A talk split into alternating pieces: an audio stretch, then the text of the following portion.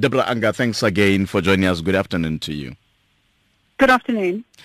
First of all, you had suggested that uh, Blatter should not wait until next year, February. As he said, he should go now. Why do you feel so strongly that he has to go now?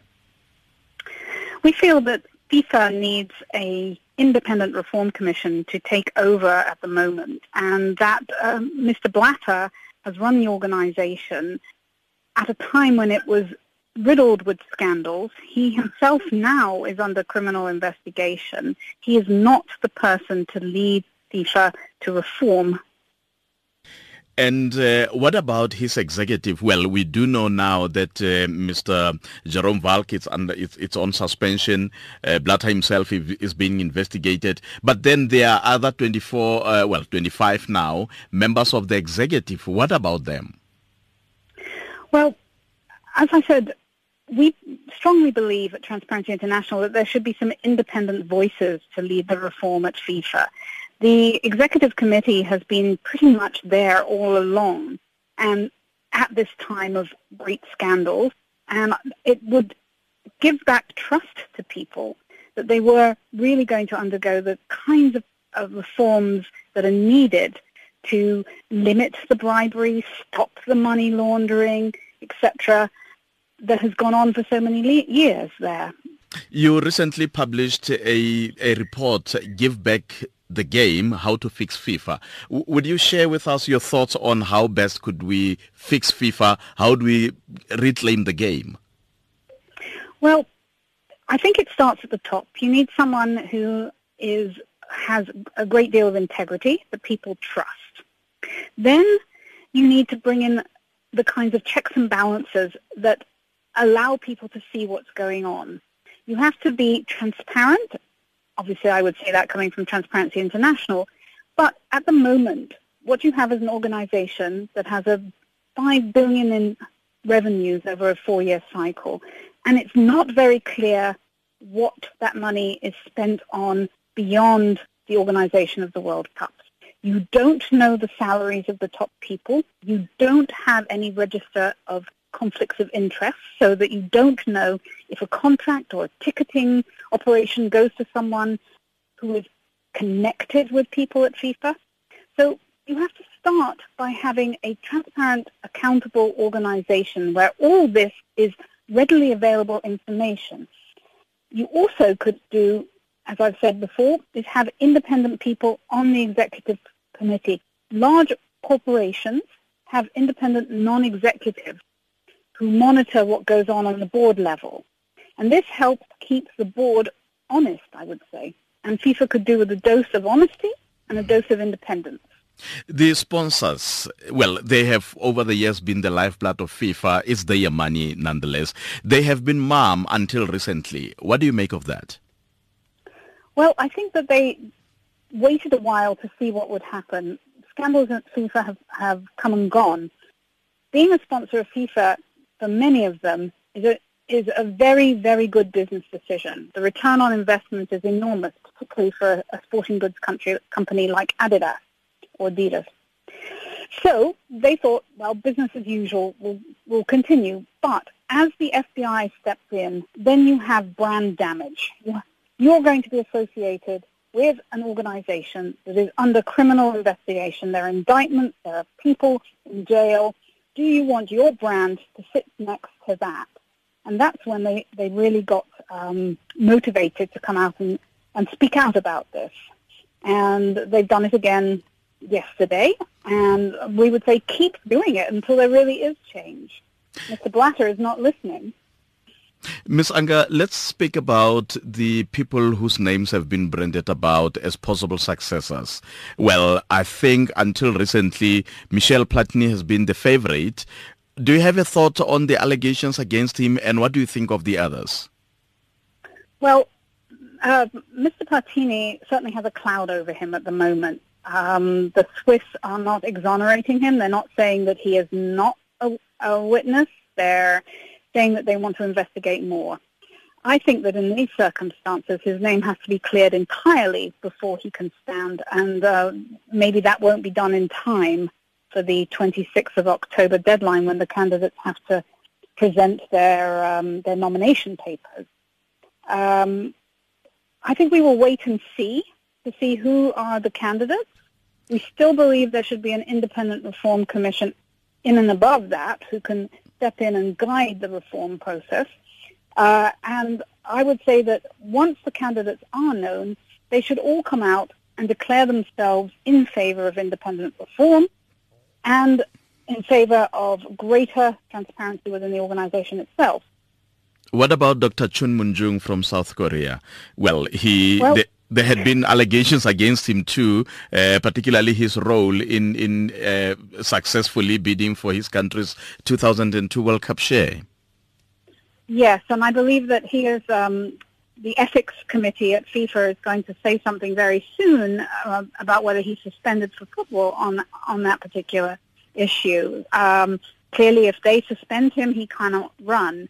But I think with the ethics committee, we had a signal uh, at the last executive committee meeting of FIFA, where the head of the ethics committee said, "We want to publicize who it is that we are um, investigating." And FIFA's executive committee said, uh, "No, we want to think about that." They did not embrace transparency at that time, and that I think was a big mistake. We do not even know who the ethics committee is investigating. I believe it's Platini and Blatter as well at the moment, but there probably are a few more. And, and, and this was just a signal that this was not not an organisation willing to accept that it needs to open up and well, be transparent about its operations. Do you have perhaps somebody in your in, in, uh, at the back of your mind, somebody who you believe that uh, could actually do FIFA a whole lot of good if that person would um, get enough support to, to, to stay at the helm of FIFA? Well, it's a very difficult situation. I mean, we have said that they, someone should be found that has um, international reputation, full of integrity, someone that people trust. Now, there are people out there. Names have been floated. We're not backing any particular person or putting forward any any particular names, but I know that names like Kofi Annan has, have been out there. And I'm sure that should there be willingness at FIFA to accept that kind of um, independent mm-hmm, mm-hmm. oversight, people would stand forward. But at the moment, no one wants to come forward uh, until they're given a proper mandate. Uh, FIFA is obviously not opening up to that at the moment. It's for the second time that Mr. Annan, well, you are the second person that I've spoken to who mentioned Mr. Annan. The other day, um, the, the, there had been quite a lot, particularly in London, uh, where Mr. Annan's name has been branded about. Has he, has anybody spoken to him? Is he prepared, if asked, to stand? Uh, I don't think, I, I don't know whether that's the case or not. I think that what normally happens in, under these circumstances is the name gets out there, a lot of people speak about it, and when enough people are speaking about it, then the person concerned will comment on whether they're available or not. But I think the situation at FIFA at the moment is so murky that mm-hmm. people don't want to associate themselves with FIFA. Uh, suggestion has been made that uh, perhaps the, the problem, the sleaze at FIFA, it's as a direct result of not having a cap on the presidency. Do you think perhaps there should be a cap in terms of the terms? Oh, definitely, uh, definitely. Um, people have been around at FIFA for far too long. They've been able to establish um, crony networks where you pat my back, I'll pat your back, um, and that is a corruption risk in and of itself. If you're there for so long, then you build up the kind of patronage networks that can lead to corruption. Um, that's why it's very important to have term limits on the, the presidency. But then, uh, Antonio Scala, yeah. the even the head of the audit committee, who put forward what seem fairly sensible reforms, he has um, suggested um, three terms, three four-year terms, I believe, um, something like that would be okay. We would probably think two terms is is more applicable, especially now. Mm-hmm. But but then someone term limits are important. Yes. Yes, someone else would say that, but then it goes against the grain of the FIFA presidency. Well, in terms of their history, throughout their history, uh, even even Havelange is not the longest uh, serving FIFA president. Um, yes, it does go against the, that, but what we would say is that best practice when you're running organizations mm-hmm. is that you have term limits so that people do not get ingrained in, in the job and they don't feel that they can do whatever they want. Um, so make a change now, even though it's not the way it's been done in the past. Clearly, we've seen that FIFA has not been able to govern itself in the past. It's been dogged by scandals for the last 20 years. So 12 years might be ideal.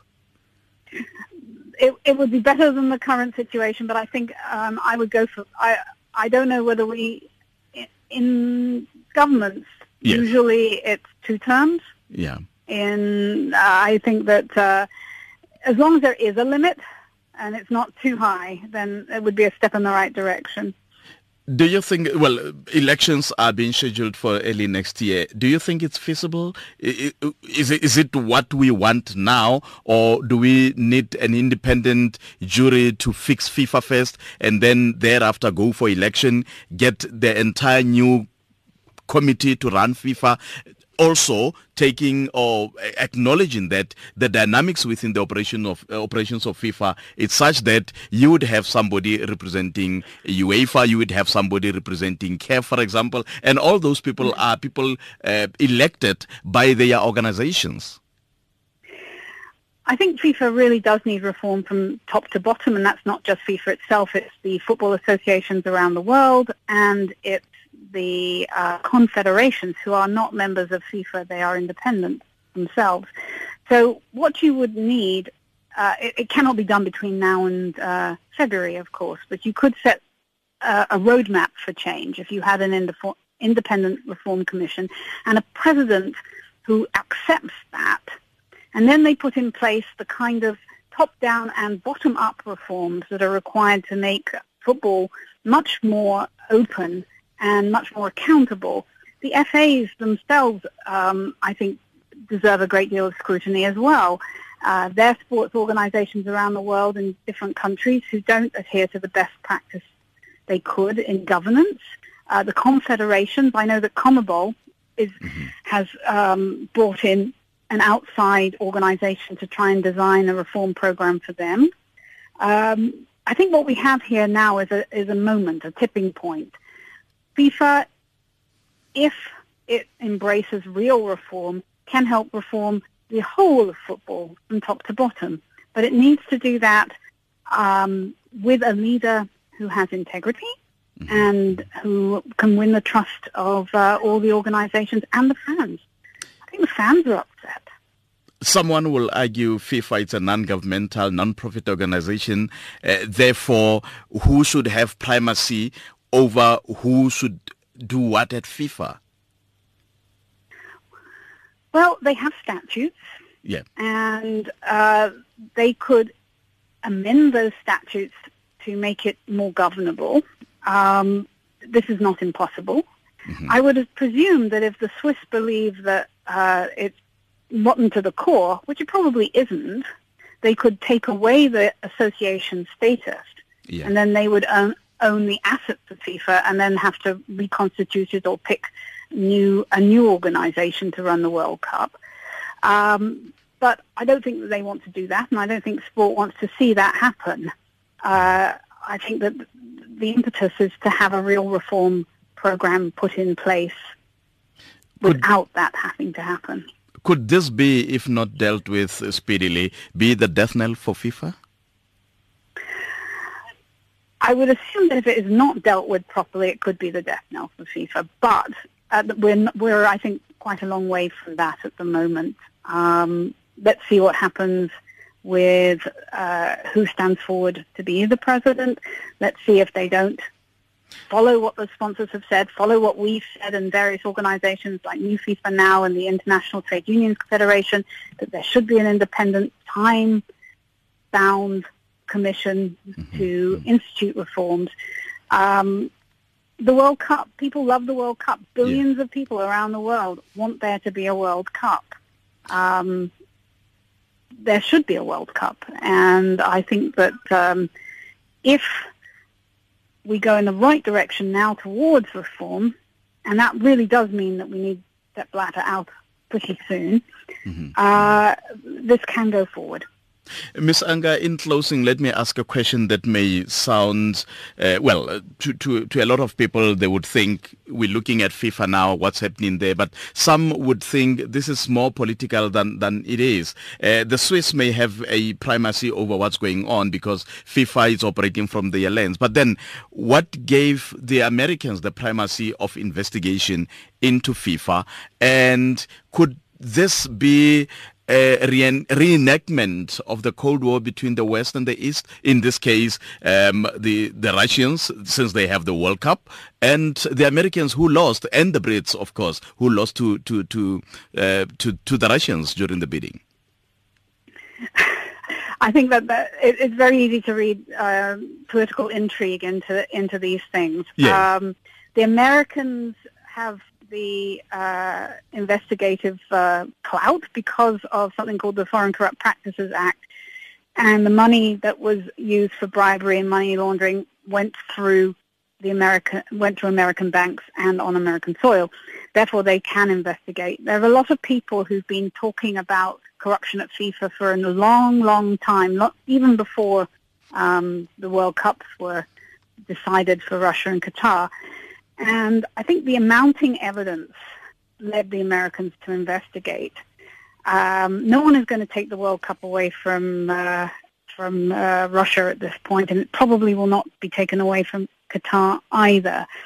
So I think that that, that argument ends up going into a brick wall. People would like to see this as a East versus West, Russia versus uh, America, but I don't think that that is at the heart of this issue at all. I think FIFA is a badly run organization that uh, could be well run and that it, for the sake of sport and yeah. for the sake of international sport, um, it should just reform itself. In your investigations, have you come across anything that suggests any wrongdoing on the part of South Africans as the host of the 2010 FIFA World Cup, except for the alleged 10 billion that was paid to Warner? Uh, 10 million. The 10 million, um, yes. I, we, we haven't done any investigation, so I'm not the right person to ask that question. I'm yep. afraid we don't. We haven't investigated that ourselves. But but do you have a thought? Have you come across anything that suggests maybe more? Uh, not not that I can think of at the moment. Um, there was an investigation, I think, done by the New York Times that looked yeah. at, at certain areas, and that that's. Uh, but I cannot remember the exact details of that one. Ms. Unger, I really can't thank you more. It's it's really been a great eye-opening, I have to say. Well, thank you very much for calling. Thank you, Deborah Unger Kua, Transparency International.